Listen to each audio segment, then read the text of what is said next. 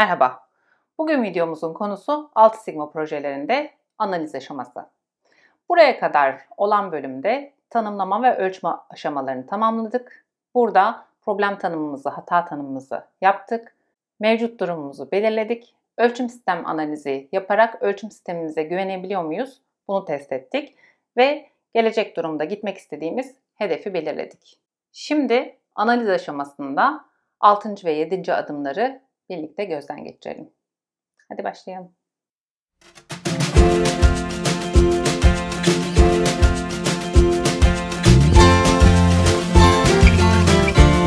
Altıncı adımda amacımız değişkenlik kaynaklarını belirlemek. Yani benim çıktım üzerinde hangi girdilerin daha etkili olduğunu ortaya koyacak bazı grafiksel metotlardan, sebep sonuç matrisi gibi araçlardan faydalanarak bunları yapmaya çalışacağız. Bütün bunları yapabilmek için de bu aşamaya kadar olan kısımda verileri doğru topladık. Ölçüm sistem analiziyle güvenebildiğimizi test ettik. Bu kısımda e, verileri toplarken alt gruplarda hangi verileri toplamamız gerekiyor ya da topladığımız geçmiş verilerden ilave olarak toplamak istediğimiz, veri almak istediğimiz noktalar var mı? Bunları belirledik. Ne kadar doğru veriler toplarsak analizlerimizde o kadar iyi sonuçlar verecektir. Şimdi proses haritasıyla başlarsak. Proses haritası aslında bizim birçok nokta için aynı zamanda girdimizde oluyor. Hem sebep sonuç matriksi için hem FMEA için. Proses haritasında yapmaya çalıştığımız şey her bir proses adımını tek tek tanımlayarak e, o prosese ait olan girdiği ve sonrasında bir sonraki prosesin girdisi aynı zamanda bu ilk prosesin çıktısı şeklinde tanımlayacak e, analizleri oluşturmamız gerekiyor. Burada girdileri tanımlarken e, yapmamız gereken şeylerden bir tanesi de o girdinin kontrol edilebilir mi, kontrol edilemez mi yoksa noise olarak tanımlıyoruz. Yani arada bir şey e, bizim çok müdahalemiz olmayan e, ya da değişkenlik üzerine çok büyük etkisi olmadığını düşündüğümüz konular mı? Bunları tanımlıyoruz. Bu bizim ne işimize yarıyor? Sonraki aşamalarda ben bu girdiği kontrol edebilir miyim, edemez miyim? Bununla ilgili olarak fikir sahibi oluyoruz. Bu proses haritasından elde ettiğimiz girdi ve çıktı e, bilgilerini sebep sonuç matriksine taşıyarak bir analiz yapıyoruz. E, birazdan ekranda göreceksiniz bir tablomuz var. Sebep sonuç matriksinde çalışma stili e, üst tarafta çıktılarımız var. Alt tarafta yatay eksende de girdilerimiz var. Bu girdilerin çıktılar üzerinde ne kadar etkili olduğunu puanlayarak aslında bir Pareto analizi elde etmeye çalışıyoruz. Yani benim bütün girdilerimi düşündüğümde en etkili olduğunu düşündüğüm girdiler hangileridir? Bu en sonda tablonun sağında gördüğünüz sonuçlarda Pareto analizi mantığıyla en önemliden en e, önemsize doğru sıralayarak önem ve öncelik sırası belirleyebiliriz. Aynı şekilde sebep sonuç matrisinden önemli olan konuları da alabiliriz ya da proses haritasından en baştaki girdileri çıktıları alarak sebep sonuç matriksi yapmadan direkt FME yaparak da bu sonuçlara erişebiliriz. FME yaparken de aslında neye dikkat etmemiz gerekiyor? O girdiyle ilgili olarak, o prosesle ilgili olarak neler ters gidebilir ve bu ters gidecek olayın, vakanın sonuçları bizi nasıl etkileyecek? Bu olay olduğunda şiddetini, ciddiyetini onu puanlamaya çalışıyoruz. Diğeri oluşum sıklığı nedir? Yani ben bu problemle her gün mü karşılaşıyorum yoksa haftada bir mi, yılda bir mi karşılaşıyorum? Bunları tanımlamaya çalışıyoruz oluşum sıklığı kısmında. En son kısımda da e, tespit etme kısmında bu olay olduğunda benim bu hatayı yakalama ihtimalim nedir? Burada şey ters çalışıyor tabii. 10 puan veriyorsam eğer yakalama ihtimalim çok az ya da hiç yok. 1 veriyorsam %100 ben bunu yakalarım. Burada şuna dikkat etmek gerekiyor. Eğer benim orada %100 kontrolüm varsa, insan kontrolüm varsa buna bir diyemiyoruz. Çünkü insan hatası olup buradan da kaçma şansı var. Bu nedenle bu puanlamayı yaparken dikkat etmek gerekiyor. FME başlı başına bir konu. Bununla ilgili olarak ayrıca bir video yapabiliriz. Proses haritası dediğimiz gibi hem sebep sonuç matriksine girdi oluşturuyor hem de bu sebep sonuç matriksini kullanarak biz Aynı zamanda yeterlilik özetini, FME'yi ya da kontrol planı özetlerini çıkartabiliyoruz. Kontrol planında genellikle FME'de bulduğumuz problemlerle ilgili olarak o problemleri engelleyebilmek için ne tür önlemler almamız gerekiyor? Ne tür kontroller planlamamız gerekiyor? Bunu belirlemek için yapıyoruz. Gelelim grafiksel metotlara. Potansiyel sebepleri elemek ve süzmek için 7. adımda kullandığımız grafiksel metotlar e, çok çeşitli olabiliyor ama ben burada box plot, histogram, çoklu değişken analizi ve Pareto'dan bahsedeceğim. Pareto analizi ile ilgili olarak daha önce bir videomuz vardı. Onun linkini şuraya bırakıyoruz. Daha detaylı olarak bakabiliriz. Ama burada Pareto analizini yaparken temel felsefemiz ne? Bizim için önemli olduğunu düşündüğümüz hata nedenlerini sıralamak için. Hangi hata benim için daha büyük probleme sebep oluyor? Hangisi daha az? Buna oluşum sıklığı açısından da bakabiliriz. Oluştuğunda yarattığı etki açısından, şiddet açısından da bakabiliriz. Pareto analizini bu amaçla kullanıyoruz. Box plot diyagramında ise benim verilerim hangi aralıkta dağılıyor? Bu aralıkta alt ya da üst limite yakın olarak mı çalışıyorum? Bir normal dağılım eğrim var mı? Buna odaklanmaya ve o kontrol noktaları dışına, belirlediğimiz limitler dışına çıkan herhangi bir nokta var mı? Bunu tespit etmek için kullanıyoruz. Boxplot'ta temel felsefemiz örneğin iki operatörü ya da 3-4 operatörü e, farklı günleri, haftanın 7 gününün birbiri arasında fark var mı hataların oluşması açısından ya da vardiyalar arasında fark var mı gibi karşılaştırmaları yapmak için kullanabiliyoruz.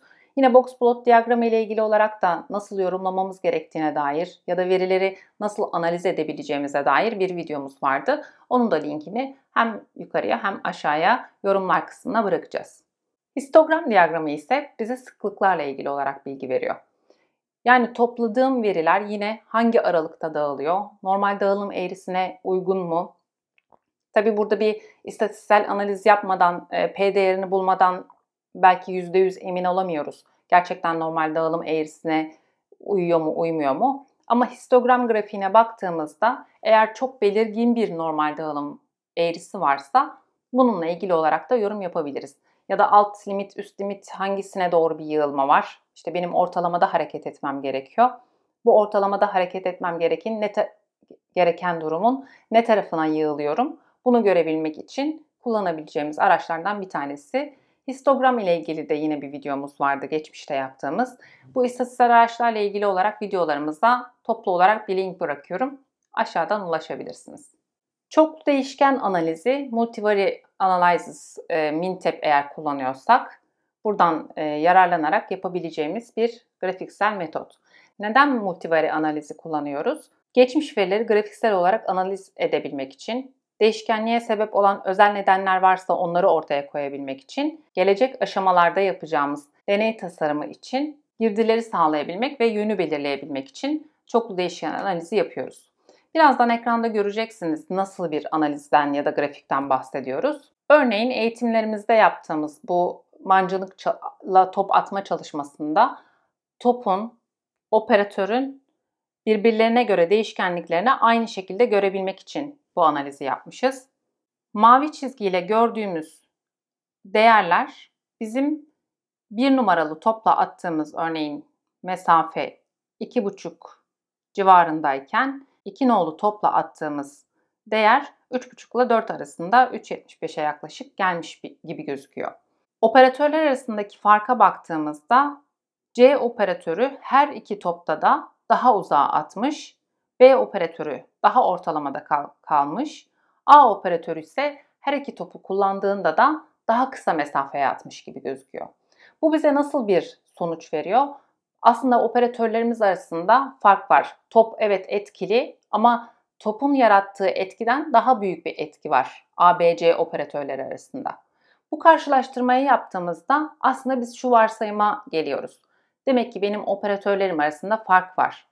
Topu atma gücü farklı olabilir, açısı farklı olabilir. Değerlendirmemiz gereken farklı hangi noktalar olduğu ile ilgili olarak bize bilgi veriyor ki gelecek dönemde deney tasarımını yaparken o girdileri de eğer elimizde yoksa ölçüm aralığımızda, veri toplama aralığımıza alabilelim ve bunlarla ilgili olarak girdi bilgilerinin de çıktım üzerinde ne kadar etkili olduğunu ölçebilelim. Buradaki örnekte baktığımızda topu atma mesafesi benim çıktım Diğer bütün her şey operatör, işte kolunun açısı, gücü, eğitimli olup olmaması, topun tipi, topun büyüklüğü gibi konular benim için girdi olabilecek ve değerlendirilebilecek, veri toplayabileceğim alanlar olabilir.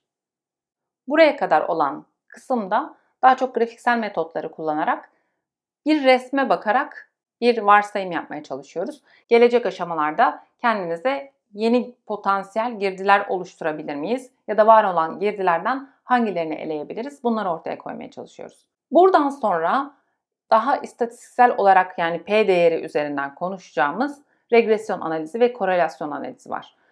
Burada her ikisinden değil sadece regresyon analizinden bahsedeceğim. Regresyon analizi ile ilgili olarak da daha önce bir videomuz vardı. Yine onun linkini de aşağıya bırakacağız. Regresyon analizi bizim için y eşittir fx fonksiyonunu oluşturma yöntemi. Buradaki y bizim çıktığımız, fx de bütün sahip olduğumuz x'ler yani girdiler ne kadar etkili oluyor? Böyle bir denklem oluşturmaya çalışıyoruz.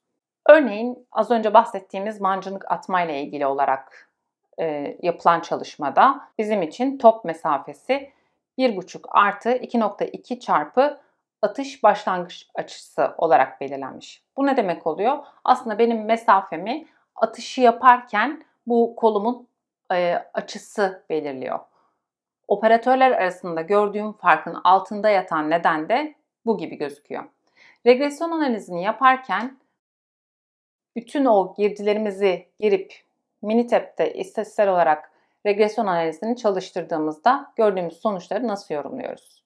Örneğin şu anda ekranda gördüğünüz değerlerden P değerlerine baktığımızda 005'in üstünde olan değerler benim için önemli olmayan girdiler. Yani çıktım üzerinde etkisi olmayan girdiler olarak tanımlanıyor. Bu girdiği regresyon analizini yaparken o girdi kısmından e, tanımlanması gereken girdiler kısmından çıkartıp regresyon analizini tekrar çalıştırıyorum. Yeni durumdaki P değerlerine baktığımda yine ekranda gördüğünüz gibi hepsi 0.05'in altında gözüküyor. Bu da demek oluyor ki benim için durumu en iyi ifade eden e, denklem bu. Burada gördüğümüz denklemde üst tarafta gördüğümüz regression equation kısmında gördüğümüz denklem.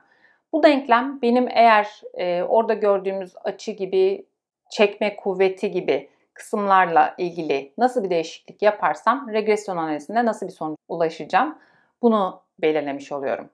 Regresyon analizinde aynı zamanda bakmamız gereken değerlerden bir tanesi de R-square değeri.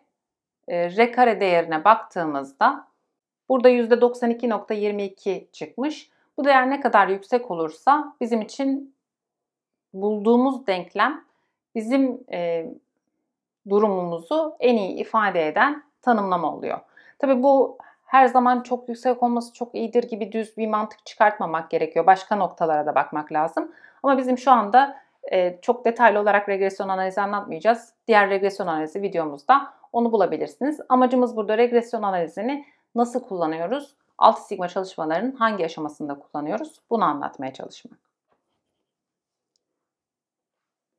Analiz aşamasının buraya kadar olan kısmında grafiksel metotlardan ve regresyon analizi ile potansiyel sebepleri süzmek ve elemekten bahsettik. Gelecek videomuzda yine biraz analiz, biraz iyileştirme kısmına girerek hipotez testleri, ANOVA ve deney tasarımından bahsedeceğiz. Şimdilik hoşça kalın. Operasyonel mükemmellik konularındaki videoları takip etmek istiyorsanız kanala abone olabilir, bildirimlerinizi açabilirsiniz. Hoşçakalın.